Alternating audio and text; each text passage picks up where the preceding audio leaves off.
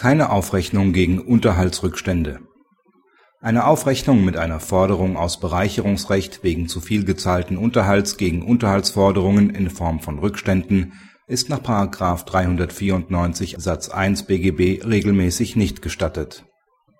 Die Ehefrau macht gegen den Ehemann einen Nachteilsausgleich wegen steuerlichen Realsplittings geltend.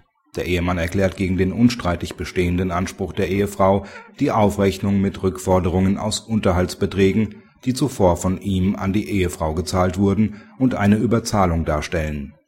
Die Ehefrau bestreitet die Überzahlung nicht, wendet aber ein, dass sie nicht mehr bereichert sei und außerdem § 394 Satz 1 BGB eingreife. Sie begehrt für das durchzuführende Verfahren auf Geltendmachung des Nachteilsausgleichs Verfahrenskostenhilfe. Das Amtsgericht weist den Antrag zurück. Das OLG gibt der Beschwerde der Ehefrau statt. Der Ehefrau steht der geltend gemachte Anspruch auf Nachteilsausgleich zu. Die Aufrechnung des Ehemanns scheitert an § 394 Satz 1 BGB.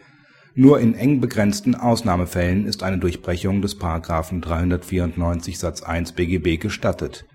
Einer dieser Fälle ist bei einer unterhaltsbezogenen, vorsätzlichen unerlaubten Handlung des Gläubigers gegeben (§ 826 BGB), wie zum Beispiel das Verschweigen von eigenen Einkünften.